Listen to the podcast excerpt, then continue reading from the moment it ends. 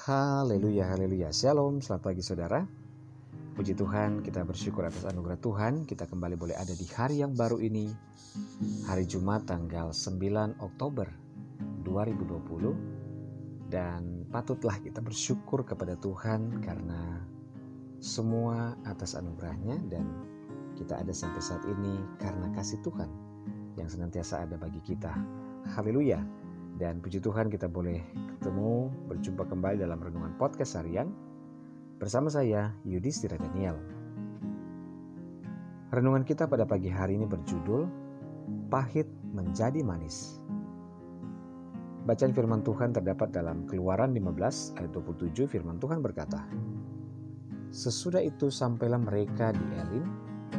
Di sana ada 12 mata air dan 70 pohon korma Lalu berkemalah mereka di sana, di tepi air itu.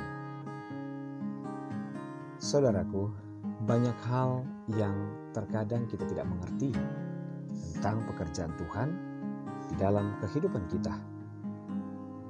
Di mana ada kalanya Tuhan mengizinkan kita melewati masa-masa yang sukar dengan berbagai macam ujian dan persoalan. Tujuannya agar kita belajar bergantung sepenuhnya kepada Tuhan. Namun sering kali respon kita negatif terhadap Tuhan dengan berpikir bahwa Tuhan sudah tidak peduli dengan kita. Kita pun kecewa menyalahkan Tuhan dan secepat kilat meninggalkan dia.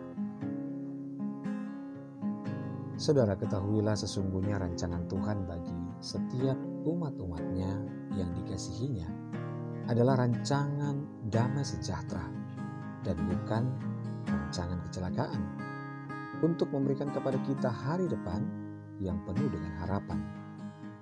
Yeremia 29 ayat 11 Sebagaimana Tuhan membawa bangsa Israel keluar dari tanah perbudakan Mesir menuju ke negeri yang dijanjikannya yaitu Kanaan yang berlimpah susu dan madu Sekalipun sepanjang perjalanan bangsa Israel harus mengalami didikan Tuhan dan melewati pengalaman-pengalaman buruk di padang gurun, itu tidaklah berarti Tuhan gagal dan lalai akan rancangan dan janji yang sudah Tuhan tetapkan terhadap mereka.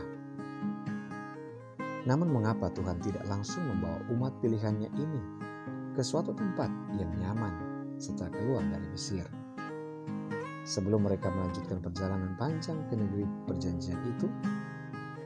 Mengapa Tuhan malah membawa mereka ke Marah, satu tempat di mana airnya terasa pahit sehingga mereka tidak dapat meminumnya? Saudara, sering kali ataupun mungkin saat ini kita sedang mengalami hal yang sama seperti yang dialami bangsa Israel. Hal-hal yang begitu pahit dan menyakitkan dan buruk menimpa kita. Ketahuilah bahwa kita mengalami itu bukanlah tanpa alasan. Tuhan izinkan hal-hal yang pahit itu terjadi untuk kita rasakan karena ada rencananya yang indah, yaitu membawa kita masuk ke suatu tempat yang penuh dengan sukacita.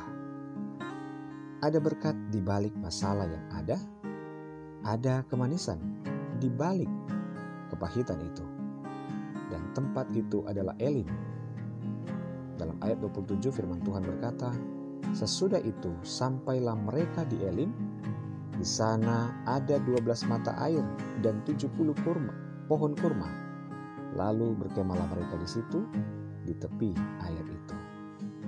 Saudara seberat apa pun masalah yang kini sedang kita alami, tetaplah bertekun dan nantikanlah Tuhan dengan sabar. Tiada terlalu sukar bagi Tuhan untuk mengubah hal yang pahit menjadi manis bagi kita yang mengasihi dan senantiasa taat kepadanya. Haleluya. Selamat pagi saudara. Mulailah hari ini dengan baca dan merenungkan firman Tuhan. Hiduplah dalam ketaatan dan ucapan syukur kepadanya. Selamat beraktivitas. Tuhan Yesus memberkati.